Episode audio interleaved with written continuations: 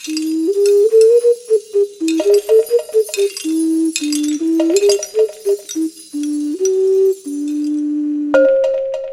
Janine. Dag Anneleen. Heb je op het knopje gedrukt? Ja, het staat aan. Oké. We zijn begonnen aan onze podcast Van een mooi bord kun je niet eten. En dit is bordje nummer 25. 25. Wat dat lijkt wel goud. nee, Goud. Het blinkt meer dan anders. Oké, kijk even dichterbij, dan zie je dat het geen goud is hoor. Nee, het is een, een okerkleur. Maar het heeft wel iets blinkends. Want ook in de andere kleuren zit... Nou, nu mag je dit bordje eens even overvoelen. Ah ja, er zit... Oh, het, het wringt een beetje. Ja, het is eigenlijk helemaal geen fijn glazuur. Het ziet er wel heel mooi uit, maar het is geen fijn glazuur, hè? Toch niet qua aanvoelen. Nee. De, de tactiele... De tactiele waarde van dit glazuur is heel vreemd. Ehm, ehm, het is een, eh, een matte glazuur die een beetje eh, glimmers in zich heeft, waardoor dat die inderdaad zoiets ehm ehm, half blinkend heeft. Maar je moet al goed kijken. Hij, hij is ruw. Het is een ruwe glazuur. En dat komt omdat de kristalvorming echt tegen de oppervlakte is gebeurd. Ik vermoed als ik die weer 10 graden hoger bak, je kent het verhaal misschien intussen wel, als ik 10 graden hoger bak zou het helemaal anders uitzien. Dus deze glazuur is eigenlijk gestopt in zijn eh, smeltproces iets, iets te vlug. Waardoor dat die niet helemaal is uitgesmolten. Maar het grappige is, als je dan hem van een beetje opzij bekijkt en je kantelt hem, dan zie je zo echt wel alsof daar een soort van ijskristallen in liggen.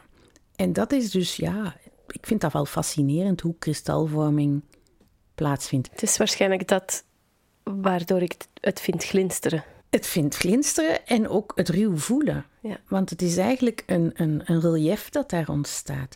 En nou ja, je kent misschien wel borden met een beetje relief en je gaat daar met een mes over snijden. Dat geeft ook zo'n geluid dat zo vrij wringend over je rug loopt. Eh, matte borden, ik krijg het daar altijd een beetje van, omdat dat dus echt niet fijn klinkt.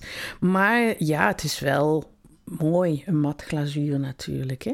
Ehm, dus dat is altijd een beetje een spel van hoe glad kun je een mat glazuur krijgen om, ehm, om toch een fijn snijbord te zijn.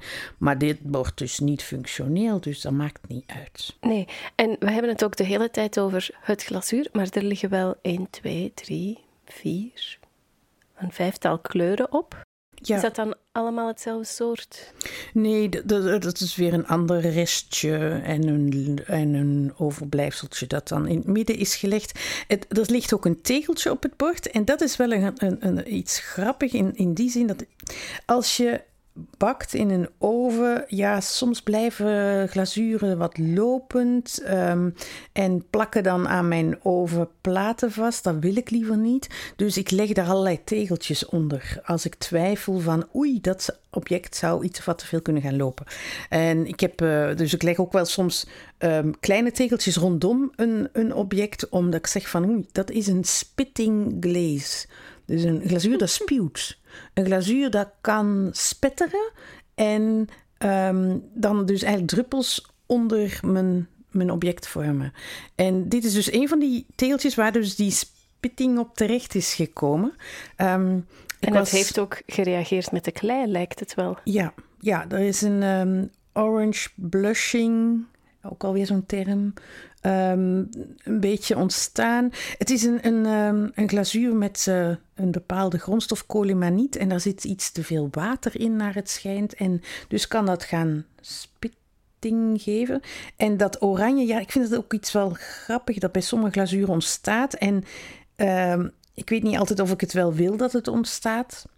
Ehm, het heeft met het oplosbare zouten te maken. Allemaal zo ingewikkeld, hè?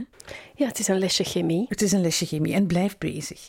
Ik, ehm, ik, eh, ik wil daar eigenlijk nog steeds over bijleren. Dus ehm, het, eh, het, het, zo'n zo'n tegeltje is dan weer zo dat ik denk van... hé, hey, wat is hier nu gebeurd?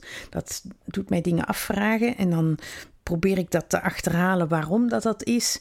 En soms kom ik erachter, maar soms weet ik het gewoon nog niet eens. Ik denk dat ik in het middelbaar tijdens de lessen chemie nooit had kunnen geloven dat ik vandaag geboeid een podcast zou maken met zoveel chemische elementen erin. Ja, ik denk dat ik nog een keer terug naar de les chemie zal moeten om het ehm, verder te doorgronden. Maar er zijn ook uh, grappige aspecten die gebeuren waar eigenlijk niemand echt een antwoord op heeft. Dus, ehm, En met jouw studenten aan PXL is dat momenteel?